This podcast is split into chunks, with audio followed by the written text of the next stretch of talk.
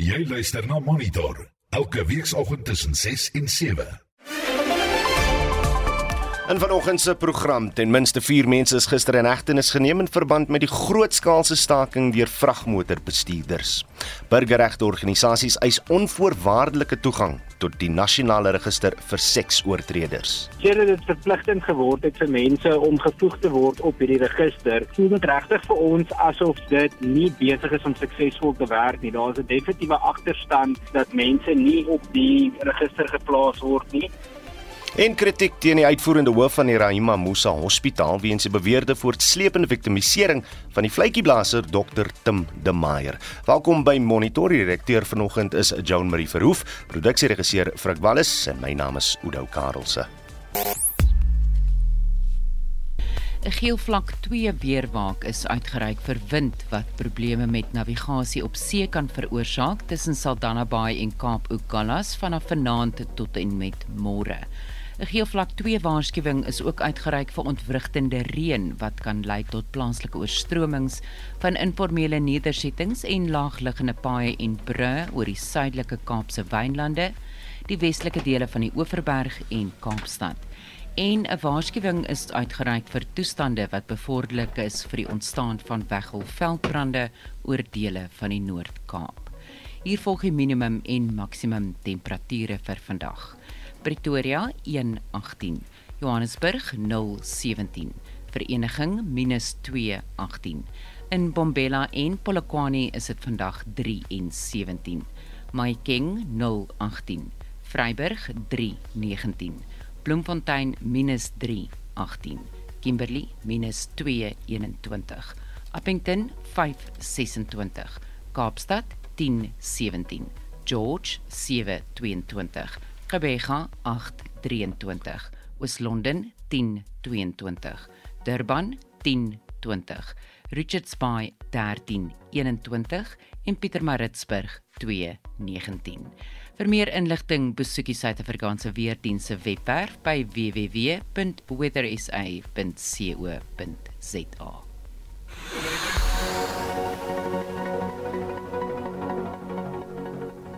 Daar is geen verkeer.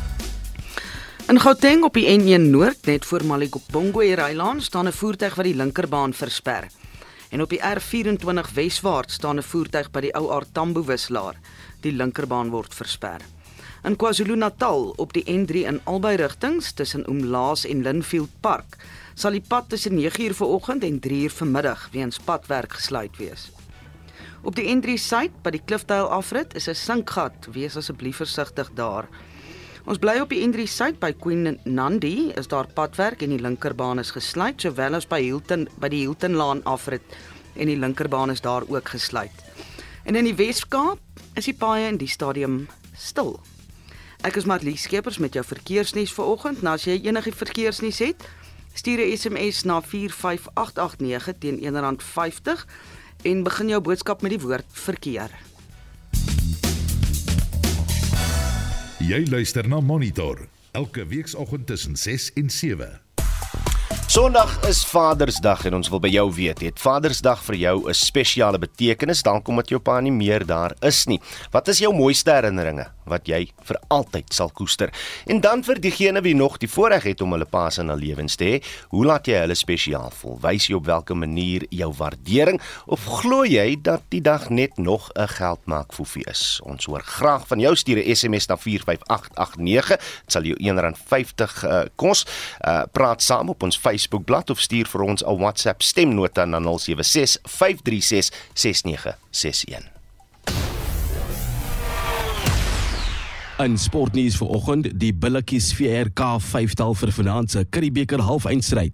Ons kyk ook na môre aand se VRK eindstryd tussen die Bulls en die Stormers in Kaapstad. En die Protea mans en vroue spanne vandag in aksie. Meer hier oor 'n bietjie later. Ek is Christo Gawie vir RSG Sport. Op Twitter is die hitsmerk Youth Day 2022 baie gewild.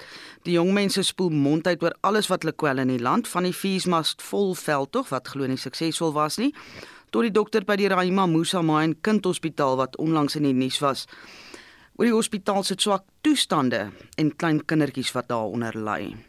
Dan is die hitsmerk Beyoncé ook baie gewild. Die sangeres se 6ste soloalbum Renaissance gaan op 29 Julie vrygestel word.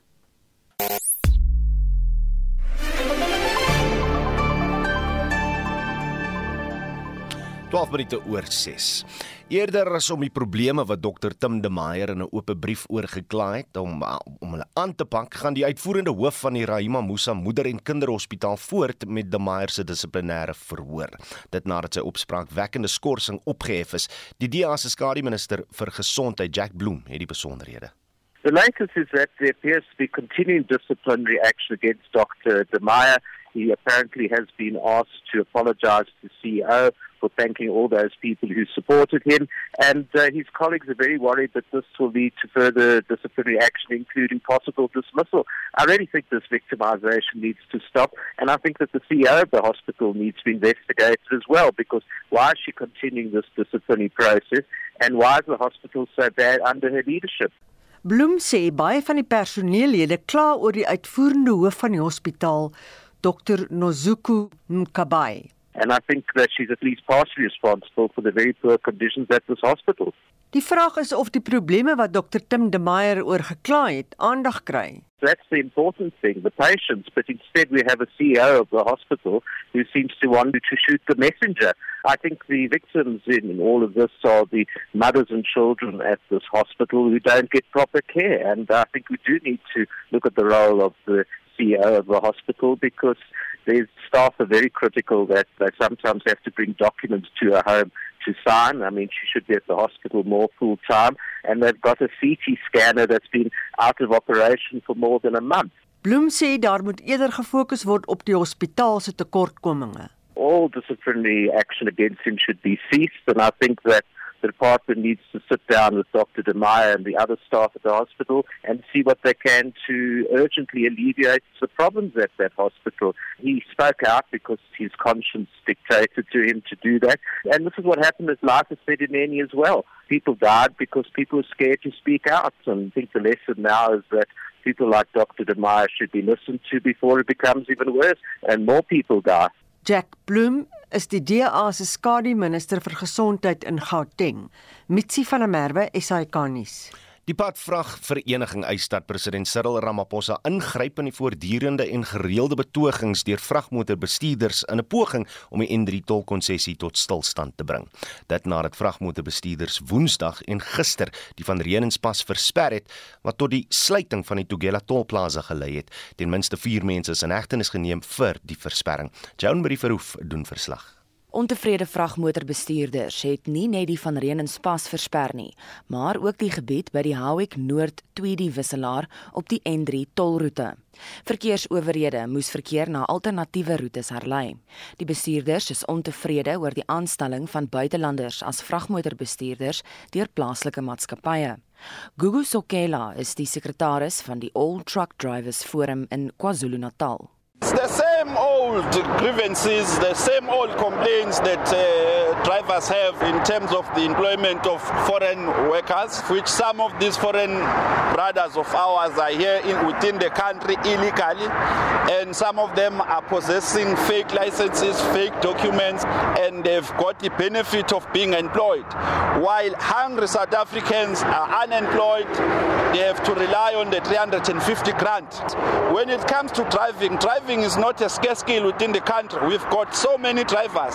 Instead, the employers are the ones that keep on employing foreign nationals for cheap labor.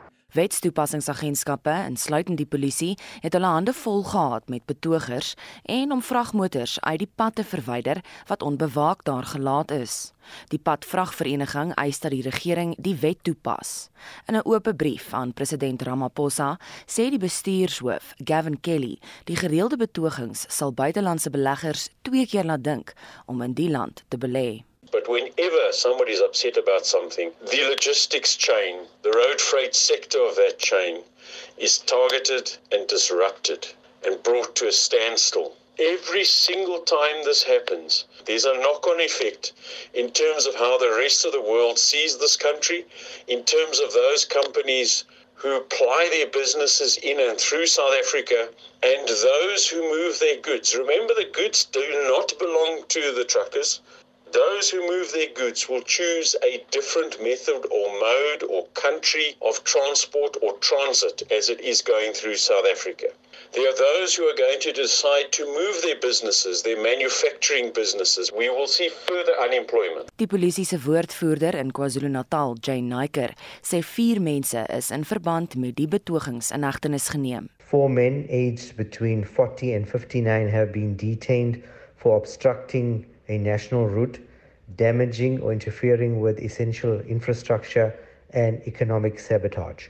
More arrests can be expected as investigations progress. Die N3 na Durban by Van Reenenspas en die pad in beide rigtings by Tweedy is gistermiddag vir verkeer heropen. Die verslag deur Woesie Makosini, ek is Joan Marie Verhoef vir SAK nuus. Agri SA loods saam met die Mutsipe Stichting twee projekte in Limpopo en in Mpumalanga om transformasie in die landbousektor te bevorder. Agri SA verskaf mentorskapprogramme en die Mutsipe Stichting skenk sowat 70 miljoen rand vir die projekte. Ons praat nou met die uitvoerende direkteur van Agri SA, Christo van der Rede. Môre Christo. Môre Udo en môre aan al die luisteraars. Agri Suid-Afrika en die Motsipe Stichting stigtinge 3 jaar terug al projekte in verskeie gebiede geïdentifiseer, maar jy het gesê dit was nie haalbaar nie. Hoe verskil die twee projekte eh, van die aanvanklike projekte? Die idee was dat ons uh, projekte identifiseer uh, wat kommersieel uh, haalbaar is. Let wel die ooreenkomste tussen Agri SA en die Motsipe Stichting is dat uh, ons projekte moet identifiseer wat uh, werk kan skep wat investering kan lok. Uh, onthou dat daar lê miljoene hektaar grond onbenut in die voormalige tuislandgebiede. Uh en daai kommunale gebiede is ook die gebiede waar daar die hoogste vlakke van werkloosheid en armoede voorkom. Uh, ons het dan die hele proses gegaan om heel wat projekte te identifiseer. Maar ons het nou by twee projekte uitgekom wat uh 'n vennootskap en dit is baie belangrik. Uh ons wil vennootskap bevestig tussen wit en swart boere uh en uh, ons wil dit as alternatief voorhou vir uh grondhervormingsprojekte wat een na die ander misluk. Ons gaan nou 'n bietjie dieper kyk na daai projekte, maar hoekom is mentorskap belangrik en hoe bied Agri SA die tipe diens? Die landbousektor is 'n moeilike sektor. Uh ek sê altyd dit is nie uh grond wat kos produseer, dit is kundigheid. En uh, ons kan grond links en regs in hierdie land uitdeel.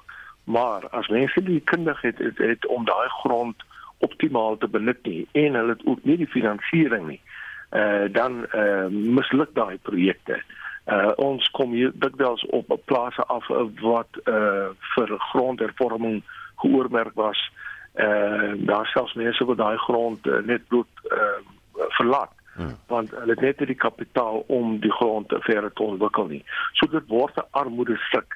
In hierdie geval weet ons nou dat uh, ons uh, het 'n vernoot ingetrek, 'n uh, groot kommersiële entiteit en daai entiteit samewerking met uh, uh, die swart boere uh, ontwikkel dan die grond. Die Motsepe stigting bring die kapitaal, ons bring die uh, mentorskap, ons bring die opleiding. Ons het vir hierdie jaar uh, so wat 700 boere uh opgelei uh, vir al swart boere en dit doen ons in samewerking met ons bedryfsliggame. Hmm. Uh, so uh, ja, dit ons ons sien hier 'n projek wat uh daarop afgestem is om uh ontwikkeling teweeg te bring, werkskeping teweeg te bring, uh maar wat ook uh in die behoefte van die grondhervormingsdoelwitte van die regering kan voorsien. Hoe gaan julle verseker uh, dat die projekte dat hierdie projekte volhoubaar is? Jy het al voorheen gepraat oor sterk ekonomiese beginsels wat toegepas moet word. Watse beginsels praat ons van? Ons praat hier van ekonomiese beginsels. Met ander woorde, daar moet 'n finansieringsplan wees. Uh, daar moet 'n uh, behoorlike uh, markbeginsels uh, nagestreef word. Uh, ons kommersiële uh, vernoot uh, weet hoe 'n uh, plaas bedryf word en uh, hoe uh, uh, nuwe ontwikkeling teweeggebring word veral die vestiging van nuwe ehm um, ehm um, uh, boorde die uh, nuwe ehm uh, uh, uh, jy weet gebiede waar daar byvoorbeeld sekerheid geplan moet word uh, daai verloot bring die masjinerie bring al die nodige ondersteuning en natuurlik het jy aan die ander kant die uh, swart vennote wat die grond beskikbaar stel, wat die waterregte beskikbaar stel uh en wat uh ook verdere uh, integriteit verleen aan die proses deurdat die uh die hele proses word ook gebou rondom uh, swart ekonomiese uh, bemagtigingsbeginsels uh en uh, die vennote trek ook voordeel daaruit uit. So dit is 'n omvattende proses. Dis nie net dat hier word grond uitgedeel en daar word mense op die grond neergeplak en nou kyk almal vir mekaar aan en vra maar waar kom die hulp dan vandaan nie. Ek sê albei Jolando begin eers die dag as jy op daai grond gevestig word en nou moet jy uh geld gaan leen uh of op die open mark of by die landbank of waar ook al uh sodat jy jou produksiekapitaal in jou hande kan hê. So uh, hier het ons 'n vennootskap uh, wat uh, tussen twee entiteite gevestig word, maar daarmee saam het jy ook die ondersteuning van die uh, bedryfsliggaam, jy het die ondersteuning van 'n Agri SA en al sy vennote uh, wat uh, jy weet nie net finansiële verskaf nie, maar wat ook seker maak dat daai produkte uiteindelik uh, op die mark beland. Christopher Rede, ek sê baie dankie vir jou tyd. Ons sal hom goed dophou en dit was die uitvoerende direkteur van Agri SA. Ons bly by landbou sake. In Suid-Afrika het van die hoogste jeugwerkloosheidsyfers op die vasteland met 53% van jong vroue en 43% van jong mans wat nie in diens is nie. Vrystaat Landbou is egter van mening dat jong boere die sleutel tot toekomstige voedselsekerheid is.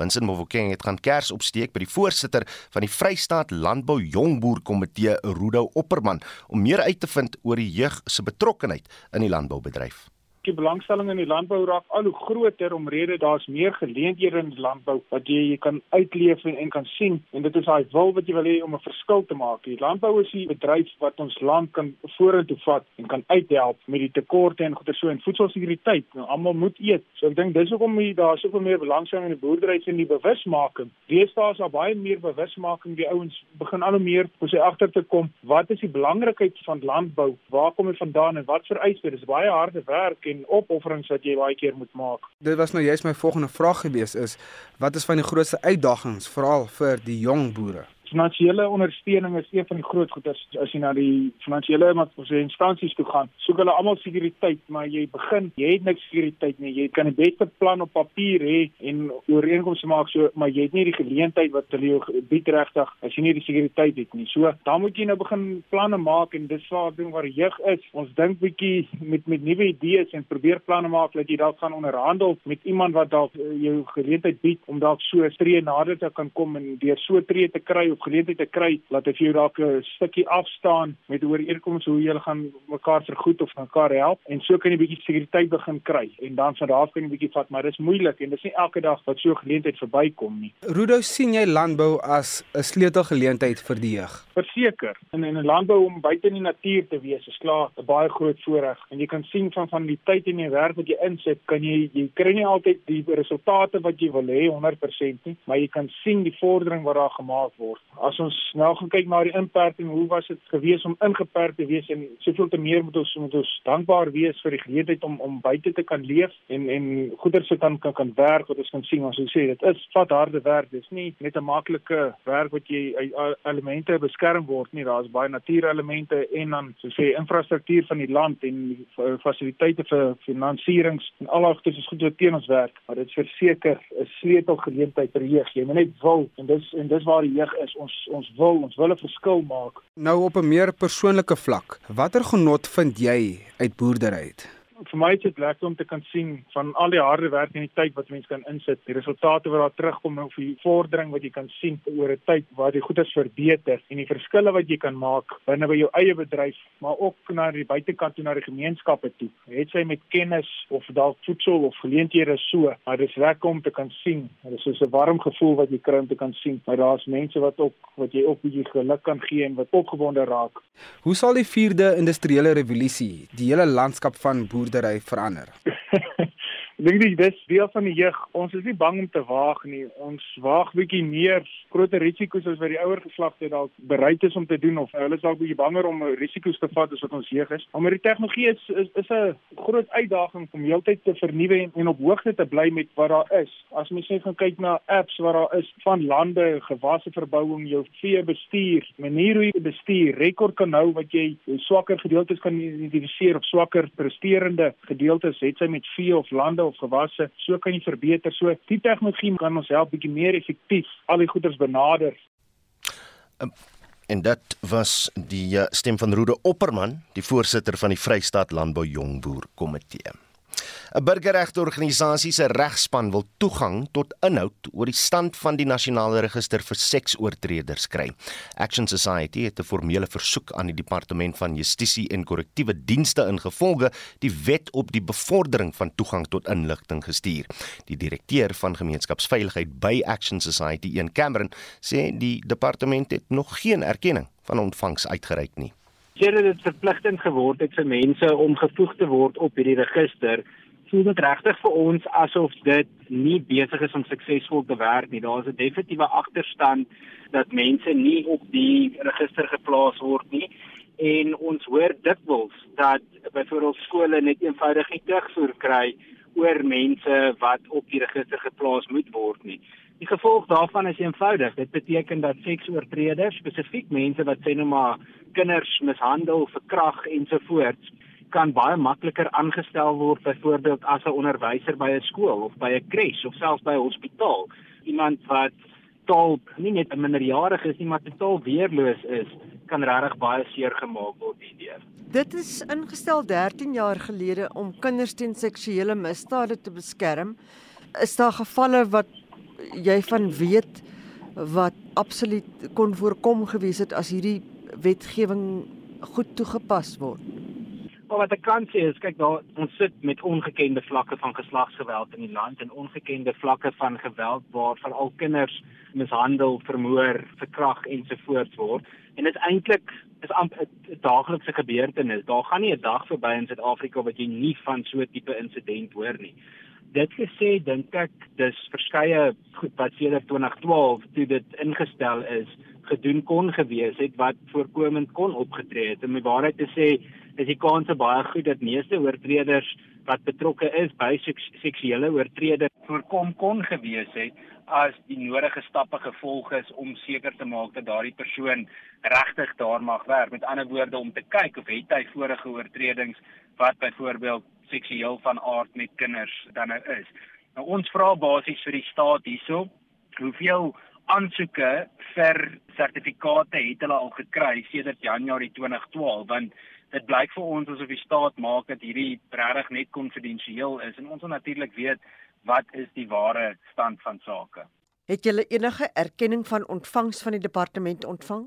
Ons het nog nie enige vorm van erkenning by die staat ontvang oor die saak nie, so ons wag daarvoor. Hulle het nou 30 dae en indien hulle dan nie genoegsame terugvoer gee nie of geen terugvoer nie, kan ons begin met 'n interne appelproses. Wanneer het julle dit gestuur? Ons het dit verlede week gestuur, verlede week Woensdag en, en dis het hulle nou omtrent tot die begin van Julie om vir ons die nodige terugvoer te gee.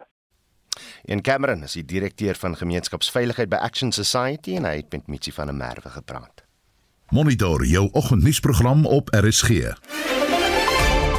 6:30 en in die tweede deel van die program Motorsport aanhangers is aan die gons oor die moontlikheid dat die Formule 1 Grand Prix in Suid-Afrika gehou kan word. Daar is lyk daar redelik vraagtekens oor die Belgiese Grand Prix op Spa en oor die Franse Grand Prix. So dit is moontlikheid dat as al die ander goed in plek val, Suid-Afrika dalk moontlike plek op die kalender volgende jaar kan kry.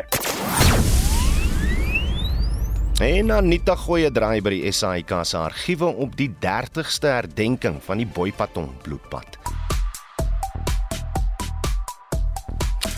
Reg, Christo Gawie staan gereed met uh, ons jongste sportnuus. Christo, goeiemôre. Goeiemôre Oudo, goeiemôre Suid-Afrika. Ek sien 'n uh, 'n minder bekende Suid-Afrikaner het sy staal gewys in die eerste ronde van die die Amerikaanse golfope. Ja, jy is 100% reg. Oudo tans is Kanada se Adam Hadwin in die eerste posisie na dag 1 met 'n 400 baansyfer. Die Suid-Afrikaner MJ Davie is in gesamentlike tweede posisie met 300 baansyfer en hy is ook 1-0 agter. So ook Rory McIlroy saam met hom ook op 300 baansyfer. Nog 'n Suid-Afrikaner, Shaun Norris, is gelyk met baansyfer in gesamentlike 26ste posisie. Die voorloper tans Edwin was 1-0 voor die voormalige wenner of major wenner Rory McIlroy van Noord-Ierland, asook uh, MJ se Davie. Dan is daar groot rugby aan die kom hierdie naweek. Ja, absoluut. Daar's baie rugby. Uh daar's die Curriebeeker halfeindstryd, die boks dit uh, Lizo Koboka hy keer terug en voer die span weer aan uh, vanaand die hakker Jan Hendrik Wessels en die vaskopstuk Jacques van Rooyen van langs om in die voorry sak die stit Dylan Smit en die uh, slot uh, Reinhard Ludwig wat albei saam Ierland toe is. Hulle ver, hulle versterk die bulle se agtal. Marco Jansen van Vieren is nuwe binnesenter met Lionel Mapu wat buite senter toeskuif in die plek van Stedman gaan gaan die neem oor by Kiwen Norkia as linker vleuel.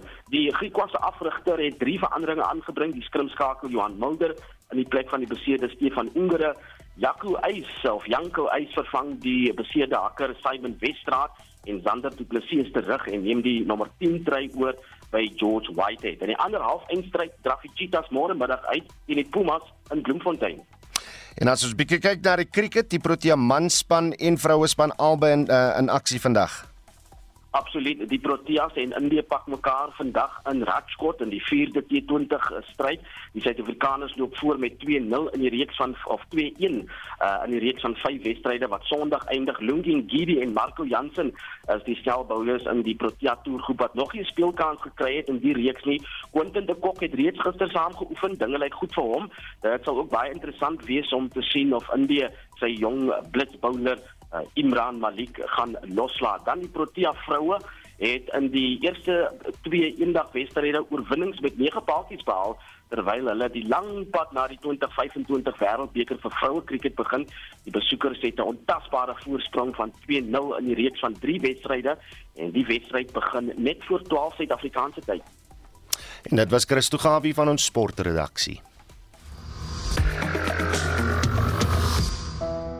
Hoe het dit gebeur dat ons onsself bevind in 'n wêreld waar dit voel asof almal gedurig in twee groepe verdeel is? Ons teen hulle. Watter invloed het dit op ons gemoed? Want groepsdinamika is al deel van die kollektiewe siege, sover soos wat die mens al bestaan. Kom vind meer uit in Vrydag se episode van Wie is ek? Dis Wie is ek? Vrydag 12:30 net hier op RSG. Vrydag in 360. Ek kuier by die Karoo Padstal buite Richmond en gesels oor die plaaslike ekonomie met die eienaar argitek wat na baie jare in die stad terug na die Karoo getrek het. Heidi Miller Isaacs het gaan kuier in Kuilsrivier waar 'n strategiese werkswinkel vir vroue entrepreneurs aangebied is en Rob Jonkers vertel vir ons hoe vlieg 'n helikopter. 360 saam met Johan Rademan en Martelies Brink. Weekdae tussen 1 en 3 net hier op RSG.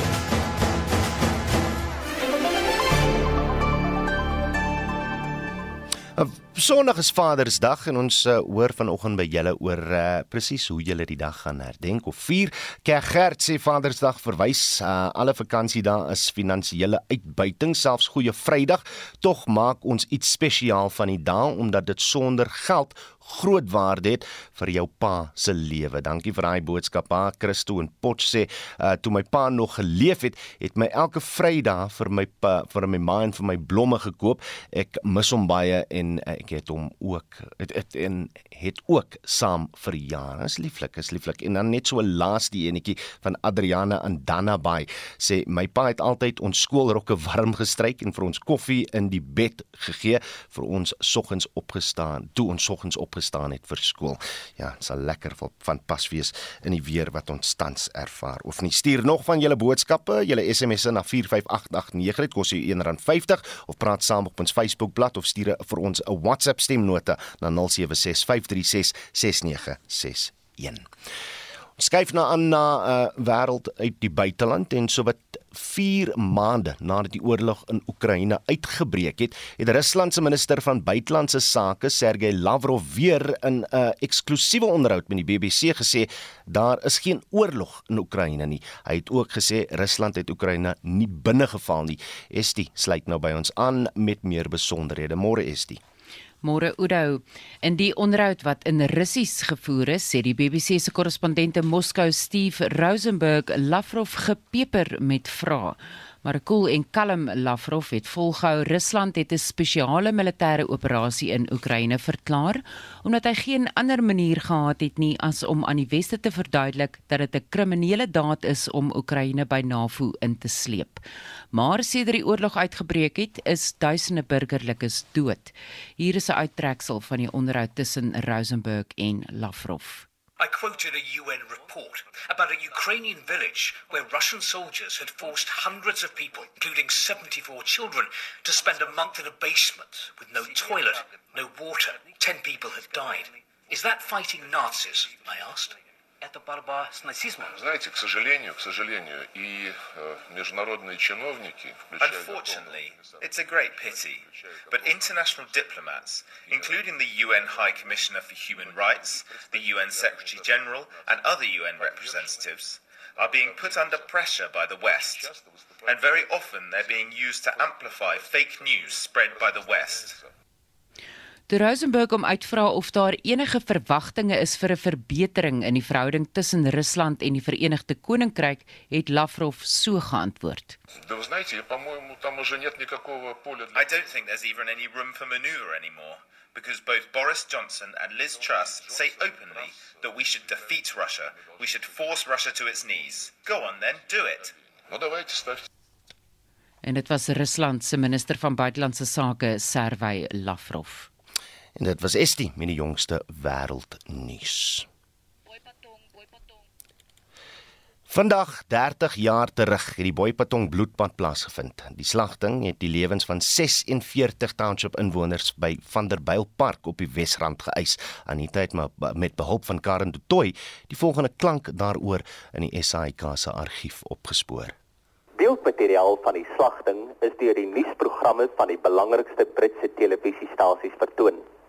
Afgesien van die toneel van die slagting en aangrypende beeldmateriaal van treurende familielede, is onderhoude met ooggetuies vertoon. Al die ooggetuies het Inkatha ondersteuners en die Suid-Afrikaanse polisie vir die aanval blameer. Die Britse koerant, die Independent, het vanoggend die beskuldigings teen die Suid-Afrikaanse polisie ontleed. Volgens hulle Suid-Afrikaanse korrespondent, meneer John Carlin, is 'n groot aantal ooggetuies wat afsonderlik deur meer as 30 internasionale joernaliste ondervra is, redelik eensgesind oor die feite van die aanval en die onus op die regering en die veiligheidsmagte te plaas om hulle onskuld te bewys. Dit is Louis de Koker uit Brittanje. Die aanval het die Kodesse onderhandelings wat deur 228 afgevaardigdes van 19 politieke partye op Kempton Park bygewoon is, laat ontspoor. Trouwens, die ANC het groot gewag gemaak van hulle onttrekking en die party sou eers terugkeer na 'n belofte deur president F.W. de Klerk om sy veiligheidsmagte beter te beheer. Internasionaal sou die gevolge van die slagting in Gauteng selfs uiting kry in 'n resolusie wat deur die VN Veiligheidsraad goedgekeur is. Vir meer oor die Boipatong gebeure en 'n terugblik deur die Kodessa onderhandelaars, luister môre na Naweek Aktueel met Anita Visser. Die onthulling vroeër van dese week dat die Formule 1 baas Stefano Domenicali in die land was om die moontlikheid van 'n Suid-Afrikaanse Grand Prix te bespreek het plaaslike motorsport aanhangers aan die gons. Die inhoud van die vergadering maandag by die Kyalami renbaan in die noorde van Johannesburg bly egter grootliks 'n raaisel aangesien voorlopige onderhandelinge tussen Formule 1 en verskeie belanghebbendes in die land voortduur. Vincent Mofokeng het intussen met die Formule 1 joernalis Hendrik Verwoerd oor die verwikkeling gepraat. Hy sê daar is 'n paar struikelblokke om te oorkom. Daar's dit een groot struikelblok en dit is die geldkwessie As mens kyk na die geldkwessie, is dit verskriklik duur om 'n Grand Prix aan te bied in Suid-Afrika, veral omdat ons rand so swak is teenoor die dollar. Jy betaal 'n fooi vir die voorreg om die wedren aan te bied. En dit is gewoonlik tussen 15 en 65 miljoen Amerikaanse dollar. Nou dit is per byeenkoms. Die gemiddeld is omtrent 30 miljoen na 35 miljoen dollar. Nou as ons dit omwerk dan werk dit uit op om en by 500 miljoen rand. Dan is daar ander bronne van inkomste wat ook reguit na Formule 1 toe gaan. Dit is die televisieregte. Suid-Afrika sien niks van daardie regte nie of die promotor in Suid-Afrika sien niks daarvan nie. Die inkomste van gasvryheidspakkette is ook alles in Formule 1 se sak en die advertering van meer borge reg rondom die baan. Al die plakate en goed wat opgesit word reg rondom die baan. Al die inkomste daarvan gaan na Formule 1 toe. Die enigste bron van inkomste vir die plaaslike promotor is die hek, met ander woorde die kaartjie inkomste, kaartjie verkope. Dit beteken dat dit 'n baie baie moeilik lewensvatbare poging is en om dit te oorkom sal die staat op een of ander manier moet instaan om 'n waarborg te verleen of die provinsiale staat of die nasionale fiskus sal moet instaan op een of ander manier. En Hendrik, hoe kan Suid-Afrika op die Formule 1 kalender kom? Die maksimum getal wedrenne per jaar wat toegelaat word is op die oomblik 24. In 2022 jaar is daar al reeds 22 wedrenne op die kalender. Volgende jaar kom nog twee by, Qatar en Las Vegas. Dit beteken dat al hierdie jaar se wedrenne nog op die kalender bly. Is volgende jaar al reeds vol, 24 wedrenne. Dit beteken as Suid-Afrika 'n plek wil kry op volgende jaar se kalender dan sal een van die bestaandes moet wegval dat daar is lyk daar redelik vraagtekens oor die Belgiese Grand Prix op Spa en oor die Franse Grand Prix. So dit is moontlikheid dat as al die ander goed in plek val, Suid-Afrika dalk moontlike plek op die kalender volgende jaar kan kry. Kan ons regering saamspeel? Het hulle die kapasiteit om so 'n uh, internasionale byeenkoms te kan ondersteun? Wel, ek wil nie namens die fiskus praat nie, maar ek kan sien dat dit 'n baie moeilik verkoopbare idee gaan wees, veral uit 'n politieke oogpunt. As ons kyk na die behoeftes wat ons in Suid-Afrika het op die oomblik, ons het baie groot behoeftes aan infrastruktuurverbetering, aan die verskaffing van dienste, soos gesondheidsdienste, onderwysdienste, die bou van skole, hospitale, al daai soort van goed. Daai is natuurlik 'n groot probleem in Suid-Afrika. So daar is baie prioriteite wat waarskynlik hoër op die lys sal wees as om 500 miljoen rand plus per jaar aan 'n Grand Prix te bestee. En dit was Hendrik Verwoerd, die eh, Formule 1 joernalis Vincent Mofokeng het met hom gepraat. Die Nelson Mandela Bay Metro in die Oos-Kaap het die hoogste werkloosheidkoers. Volgens statistiek is in Afrika staan dit op 35,7%. Dit beteken dat ten minste 640 000 mense in die metro op minder as R1077 'n maand oorleef. Die meeste van die mense is jong mense tussen die ouderdomme 15 en 24. Kim Daniels sê die strate van Kleiberge ingevaar om met die jong mense te praat. Mitsi van der Merwe vertel die storie. In 2016 terwyl Luntu Taule sy nasionale diploma in logistiek gedoen het en later sy gevorderde diploma, sou hy nooit kon dink dat hy uiteindelik aardappelskyfies en energiedrankies by 'n taxi staanplek sou verkoop om die pot aan die kook te hou nie. Hoewel sy aansoeke vir werk nog onsuksesvol is, hou hy moed. It's for the time being, just to equip myself from doing the right things in, instead of going and sitting on the corners Asanda Marks bevind haar in 'n soortgelyke situasie. Sy is haar ouers se oudste kind en kon nie van hulle verwag om haar te onderhou nie. Sy het twee grade, een in journalistiek en die ander in media-kommunikasie en kultuur. I'm unemployed, uh, sitting home and doing nothing because that could frustrate you. And I think the advantage was that when you are in varsity, there's most a bursary and a spas. So you do not feel that you are unemployed because at least there's like an allowance that you get monthly. So I think that's why I went back to school. Werkloosheid onder die jeug het oor 'n dekade standhoudend gestyg. 'n Professor in ekonomie aan die Universiteit van Gramstad, David Fryer, sê die neiging gaan waarskynlik nog lank voortduur. If you go back to pre 94, there was really very massive unemployment in the Eastern Cape. And it's kind of, it trended upwards after 94 and it kind of like hit some sort of plateau. And then obviously after 2008, and particularly with COVID, it's been going up. So, you know, it's kind of an indicator, I think, of the state of the country. And so unless we start to make progress on the broader front, that's just going to go up and up. Daar is ooreenstemming dat die COVID-19-pandemie die land se swak ekonomiese groei en die oorlog tussen Rusland en Oekraïne die arbeidsmark laat taan het. Die direkteur van die departement van ekonomie aan die Nelson Mandela Universiteit, Ronin Kwadi, sê die verlies aan hoogsgeskoolde mense is 'n werklike probleem vir die Nelson Mandela Bay Metro. It leaves a void that we call brain drain. And also the reason that we have an exodus of number of young people going to other provinces and of course other countries is because the demand side is failing. They have skills that don't match what the employer demands and therefore they find themselves being educated and then they can't find jobs. We call that structural unemployment. Die programbestuurder vir die netwerk van produktiewe stede in Suid-Afrika, Gomotso Tolamo, sê die jeug moet die ekonomiese patrone in die land dophou. Dit sal hulle in staat stel om te sien waar werksgeleenthede nodig is. So our skills shortages, one of the areas that exists is within artisanal jobs. So those would be things like plumbers, for example. Kim Daniels het hierdie verslag saamgestel. Mitsi van der Merwe, SAK nuus.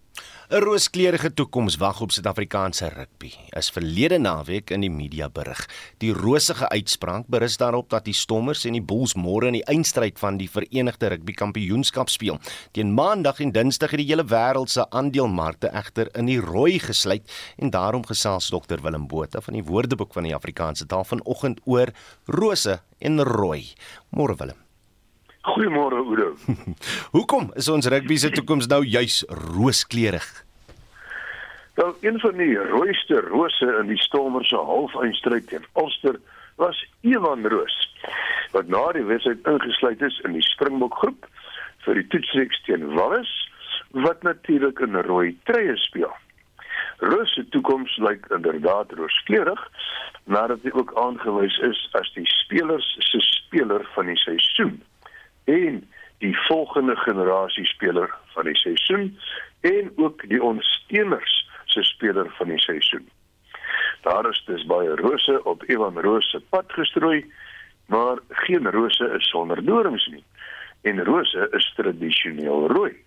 En teen Maandag en Dinsdag het die Johannesburg se aandelemark diep in die rooi gesluit.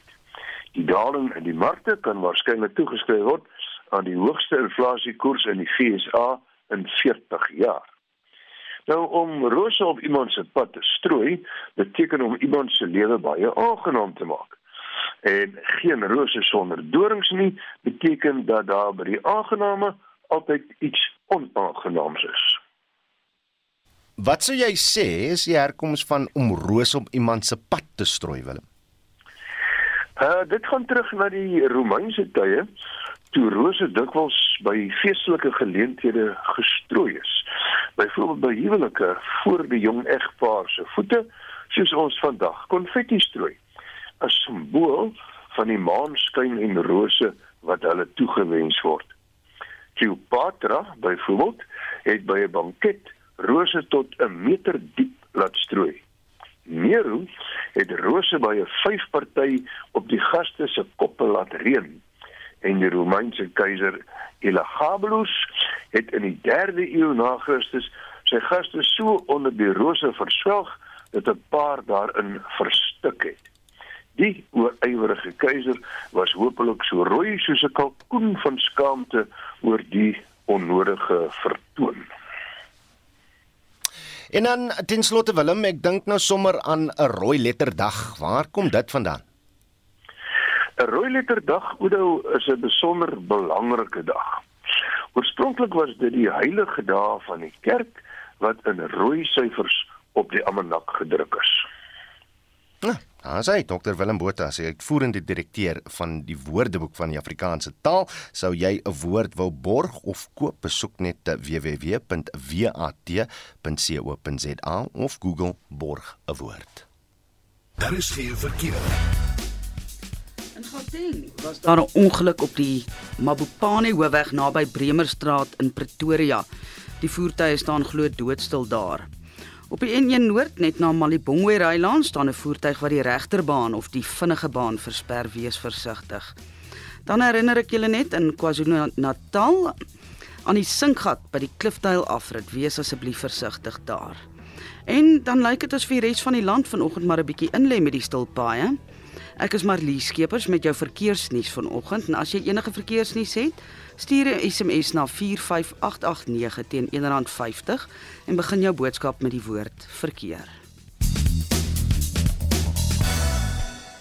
Reg en vandag se brandpunt vraag praat ons natuurlik oor Vadersdag wat ons Sondag vier en ons wil by jou weet, het Vadersdag vir jou 'n spesiale betekenis? Dan kom dat jou pa nie meer daar is nie. Wat is jou mooiste herinneringe uh, wat jy altyd sal koester? En dan ook vir diegene wie nog die voorreg het om hul paas in 'n lewens te hê, hoe laat jy hulle spesiaal voel. Wys jy op watter maniere jou waardering of glo jy dat die dag net nog 'n geldmaak foefie is. So van die boodskappe wat deurgekom het, Martie Brits sê my pa het April 90 geword. By ons is dit elke dag Vadersdag. Ek geniet hom en my ma se geselskap so baie. Ons woon in Kaapstad en gaan baie gereeld see en berge toe en ry baie rond. Bets Ferreira sê ons het nie vreeslik erg aan hierdie spesiale dae nie.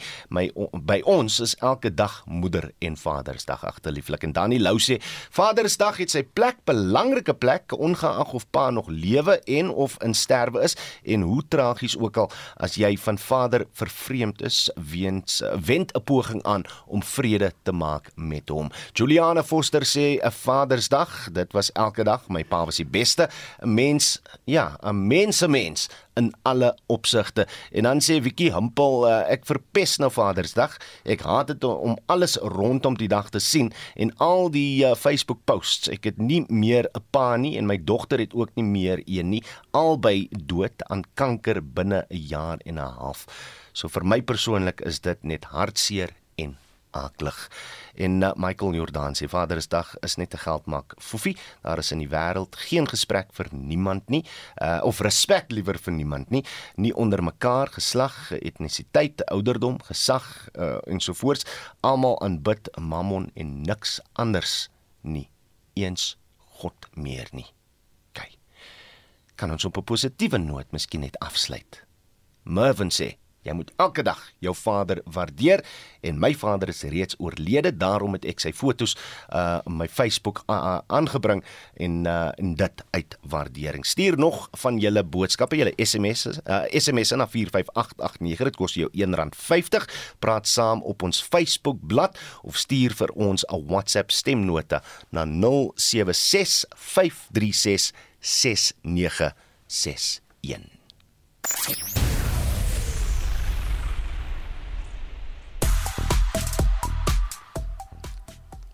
Op sosiale media is die hitsmerk Sarafina baie gewild. Dit wil voorkom asof bykans die hele land gister die rolprent gekyk het by hulle huise. Dit is natuurlik die 1992 weergawe waarin Whoopi Goldberg gespeel het. 'n Gebruiker sê egter dit is jammer dat die mense van Vusumuzi Sekwapa vergeet het. Hy was die seun wat Hector Petersen gedra het. En dit is op die ikoniese foto van 16 Junie tydens die Soweto opstande. Onthou vorige uitsendings van Monitor is op RSG se webblad beskikbaar as 'n potgooi gaan net na rsg.co.za. Ons groet namens ons uitvoerende regisseur Nicoline de Wee, die redakteur vanoggend Joan Marie Verhoef en ons produksieregisseur is Frik Wallis. Ek is Oudo Karelse. Totsiens.